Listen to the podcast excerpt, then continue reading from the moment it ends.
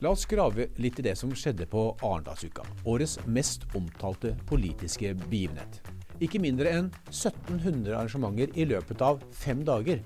330 av disse dreide seg om helse. De sparket i gang med en viktig debatt. Hvordan i all verden skal Norge ha råd til disse dyre, livsviktige nye legemidlene som stadig dukker opp? Et presserende spørsmål som er stilt av de fire store helseregionene. Men vent litt. Debatt og debatt, fru Blom. Terje Rotvedt, som er administrerende direktør i Helse Sør-Øst og ny sjef i Beslutningsforum, stakk hull på den ballongen allerede i sin innledning, da han sa at det er blitt et betydelig bedre samarbeidsklima mellom aktørene som er involvert i prosessen med å innføre de nye legemidlene. Dette er Sykehusinnkjøp, Legemiddelverket, de regionale fagdirektørene og ikke minst legemiddelindustrien. Så hva er egentlig sannheten her? Etter møtet snakket jeg med Terje Rotvelt og administrerende direktør i legemiddelindustrien, Leif Rune Skymoen, for å finne ut av det.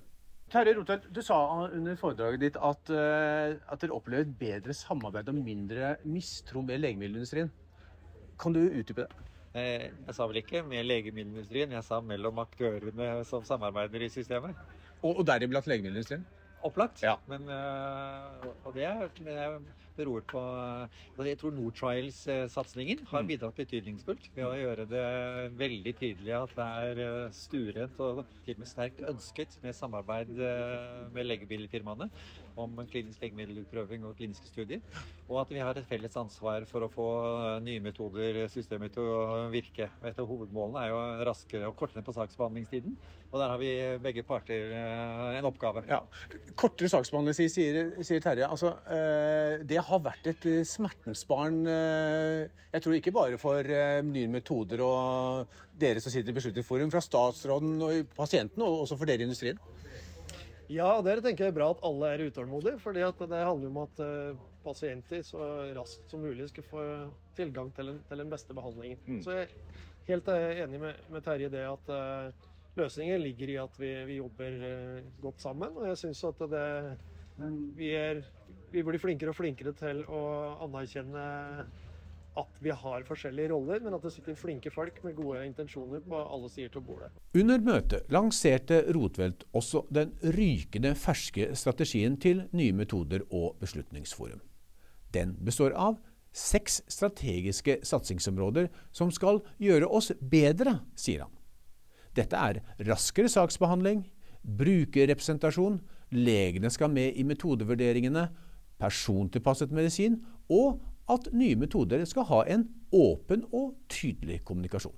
La oss høre hva Rotvelt og Skymoen sier tror dette med persontilpasset medisin og hvordan man skal tilpasse det i Norge, kan være en hovedutfordring. Det inngår som et av de seks strategiske områdene vi jobber med. Mm. Uh, og da må vi ha internasjonalt samarbeid fordi det er så få. For det kan, det kan, ikke være uten dokumentasjon, og da må vi skaffe den dokumentasjonen i samarbeid. Mm. Og det er et av de viktigste utviklingsområdene. Men samtidig så er jeg ganske optimistisk der, for jeg tror at det kan bidra til at vi blir flinkere til å bruke medisiner riktig. Altså de som tre har størst effekt for behandlingen, og det vil gi økte muligheter. Mm. Så ta, fra, fra, din side i legemiddelindustrien, hva, hva, tenker du? Det er kjempeviktig at vi har den diskusjonen. fordi ser vi hvor mange av de store nyvinningene vil komme de, de neste åra, så er det nettopp innenfor sjeldne diagnoser. At vi har gode systemer til å kunne gjøre de behandlingene tilgjengelig for pasienter. Kjempeviktig.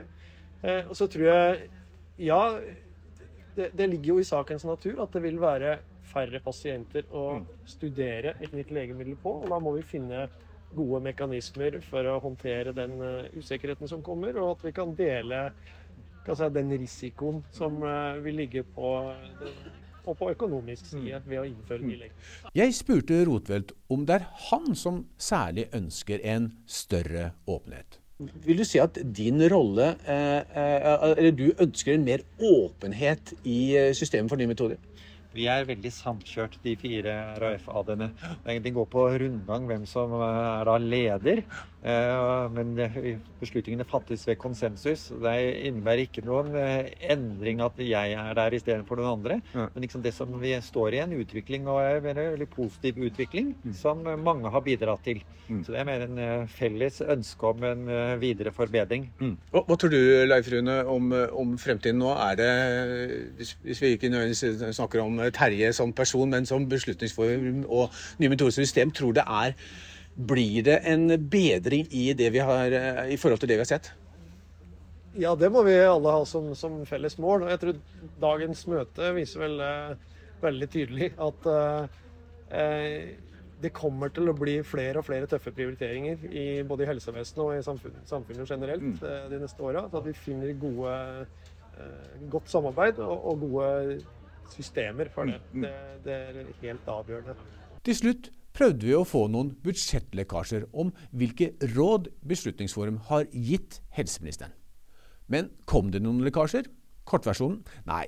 Men de ønsker seg forutsigbare rammer og en moderat økning i budsjettene år for år. Vi har jo ikke noe eget legemiddelbudsjett.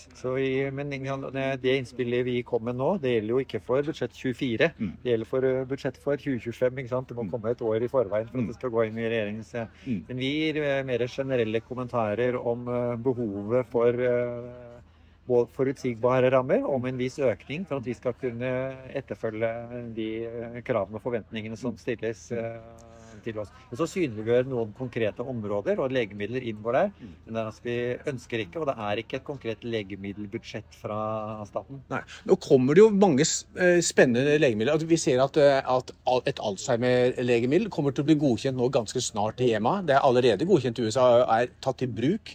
Eh, det kommer også en, en altså Vegovi, altså slankemedisin, som, som, som, som kommer mest sannsynlig til å, å kunne få en godkjenning nå i EMA for eh, hjerte-kar-indikasjon, altså basert på den siste studien. Eh, er det nok penger i dagens system eh, til å dekke det store si, flodbølgen av nye legemidler som kommer? Vi ønsker hele tiden forutsigbare rammer og litt økte rammer for å mm. kunne gi best mulig behandling. Og det må alltid måtte gjøres prioriteringer uavhengig egentlig av rammen. Mm. Altså, vi, vi, sier hele tiden at det kommer en flodbølge. Mm. Så er, opplever jeg at det er ikke så stor endring fra år til år, men det er et jevnt eh, trøkk eh, som vi må håndtere på en best mulig måte. Og så tror jeg det er, det er særlig viktig at altså, dette er ikke bare penger, men det er også snakk om eh, trygg og effektiv behandling. Og konferere dette med Alzheimer-medisinene, som jo er eh, en del sider ved. Mm. Eh, sånn at det, det, å bruke de legemidlene på en trygg og effektiv måte i mm. samarbeid med fageksperter og firmaer, det er eh, hovedoppgaven. Vi skal bytte tema. Hvordan bygge en stor norsk helsenæring? Møtet hadde det ledende spørsmålet er det å investere i helsenæringen medisinen som Helse-Norge trenger? Ja, hvordan kan Norge egentlig utvikle en stor og verdifull helsenæring? Nycod Therapeutics er et skinnende eksempel på suksess i denne sektoren. Men veien til toppen er aldri enkel. Agnete Fredriksen er medgründer og strategidirektør i Nycod, og som startet opp i 2006. Selskapet hadde en veldig forsiktig start, men så i 2020 skjer det et kommersielt og forskningsmessig gjennombrudd. Nycode er i dag et av de største norske biotekselskapene, og har med sin satsing på utvikling av vaksineteknologi som kan brukes både mot kreft og autoimmune sykdommer, tatt en voldsom vekst de siste tre årene.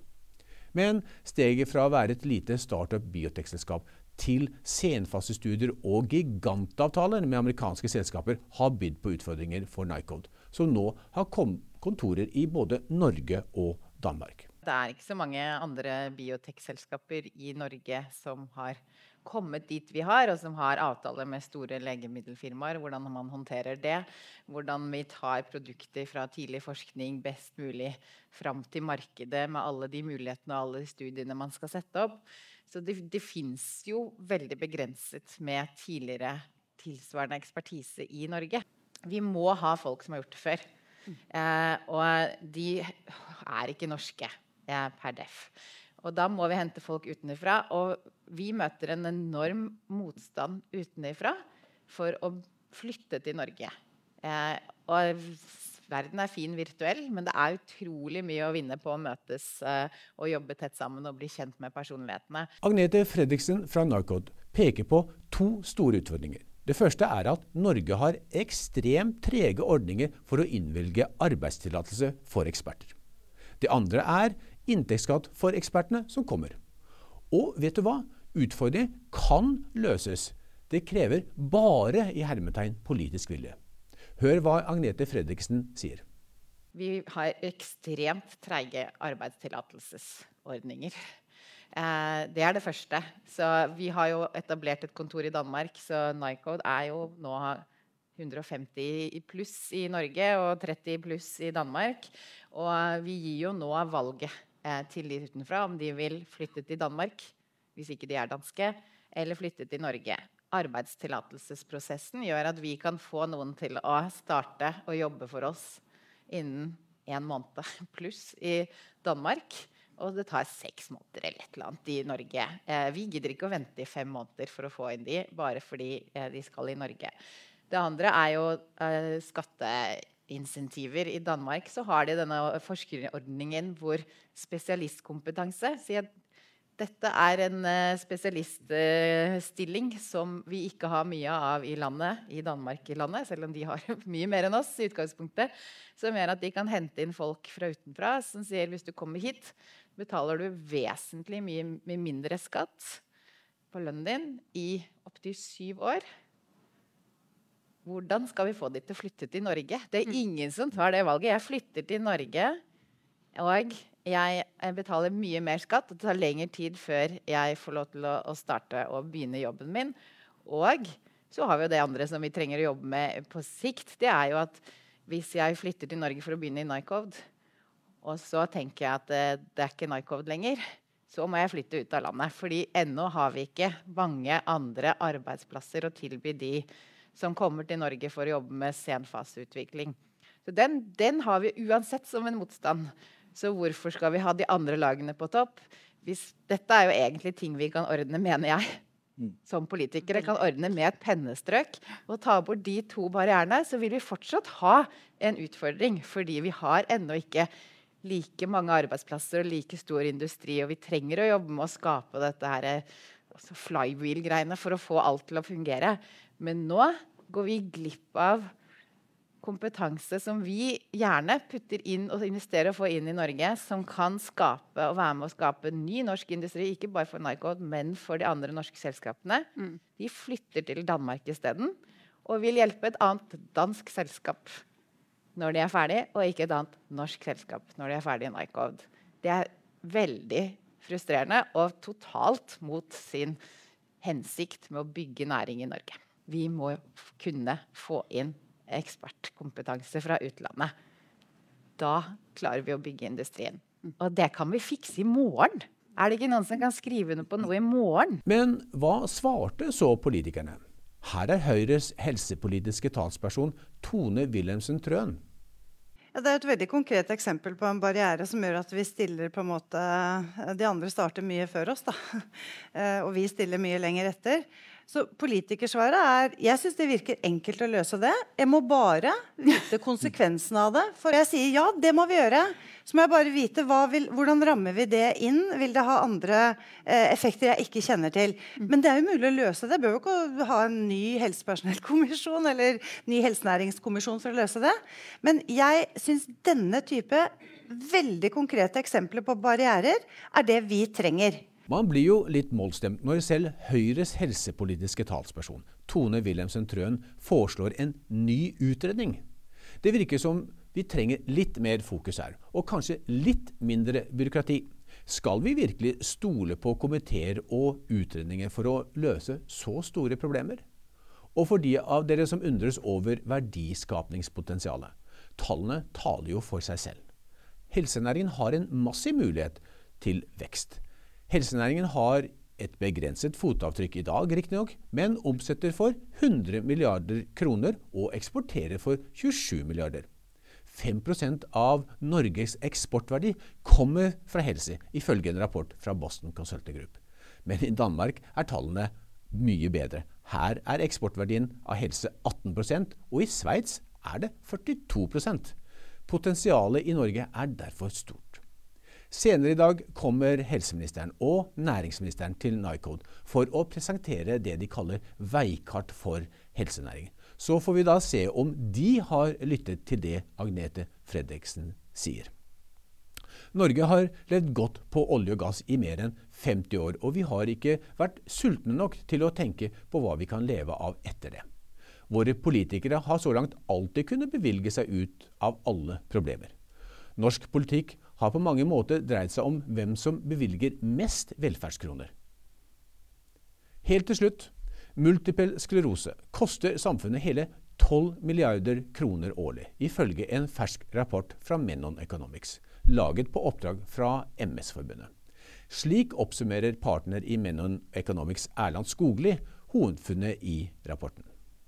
Hovedbudskapet i denne rapporten her, det er jo at den største kostnaden knyttet til MS i Norge i dag, det er jo at MS-pasienter ikke kan eh, jobbe. Eh, mange av de, dessverre. Eh, så det utgjør det største samfunnstapet. Eh, og ikke da kostnadene knyttet til behandlingen eh, som gis til MS-pasienter i dag. Det er et veldig viktig budskap, for det sier jo noe om at kanskje har vi fortsatt et potensial i forhold til å kunne behandle sykdommen enda bedre. Vi vet at det kommer masse nye terapier som, som kan eh, som gi enda bedre resultater. Og da kan vi kanskje redusere den store kostnadsposten som nettopp handler om det at folk ikke kan gå på jobb. Prioriteringskriteriene som Beslutningsforum bruker når de avgjør om et legemiddel skal innføres i spesialisthelsetjenesten, er disse tre. Effekt av behandlingen, prisen på legemiddelet og til slutt alvorligheten av sykdommen. Generalsekretær i MS-forbundet, Magne Wang Fredriksen, mener rapporten dokumenterer at disse kriteriene er for snevre. Han mener at rapporten understreker behovet for at Beslutningsforum nå må tenke nytt i prioriteringen av nye behandlinger. Ja, Det mener jeg kanskje er hovedbudskapet her. Eh, og funnene som vi gjør, at man i større grad enn før må se helse og arbeid i sammenheng. Eh, fordi eh, vi isolert sett har mye kriterier vi støtter oss på når vi gjør prioriteringer innad i helse, men vi mener at vi må ha et bredere blikk og se på den totale samfunnsbyrden når vi gjør prioriteringer om eh, hva slags type investeringer vi skal gjøre for f.eks. pasientgruppen folk med MS. Nå er det satt ned et nytt prioriteringsutvalg som skal se på bl.a. disse prioriteringskriteriene. Hvordan vil dere jobbe der? Nei, Det vil gjøre på flere fronter. Eh, undertegnede er eh, plukket ut til å være med i en av de tre gruppene, så jeg skal jo forsøke å, å bidra innenfra.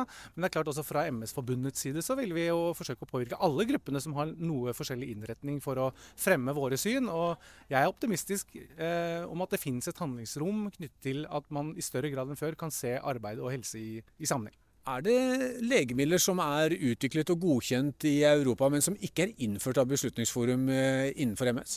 Ja, vi har flere. Eh, og dette har vært en utfordring for MS-forbundet og for ikke minst enkeltpasienter som opplever kanskje å ikke få den effekten som de trenger fra de medikamentene som, som, er godkjent i dag. Og vi har vært ganske tydelige i at uh, her må nevrologene få tilgang til hele verktøyesken, slik at vi er helt sikre på at vi kan persontilpasse og individualisere behandlingen inn til hver enkelt pasient, så vi er sikre på at vi kan få den effekten som vi er ute etter. Så du tror at dersom eh, Beslutningsforum og nye metoder tar hensyn også til den tapte arbeidsinnsatsen, som i dette tilfellet er betydelig, mange, mange milliarder kroner eh, blant disse unge menneskene som er rammet av MS, så vil det øke muligheten for bedre behandling eh, i fremtiden? Ja, da bør regnestykket rett og slett bli et helt annet, og vi bør få et bredere samfunnsperspektiv når vi gjør disse vurderingene. Så jeg håper virkelig at det åpner mulighetsrommet, og at vi i fremtiden kan møte møte hver enkelt eh, pasient med MS på en bedre måte enn vi kan akkurat nå. Det var våre dypdykk denne gangen. Vi kommer tilbake neste uke med en ny videopodkast til samme tid. Om du likte dette du hørte og så, gi oss en, eh, gjerne en rating og anmeldelse i podkastspilleren som du bruker. På gjenhør.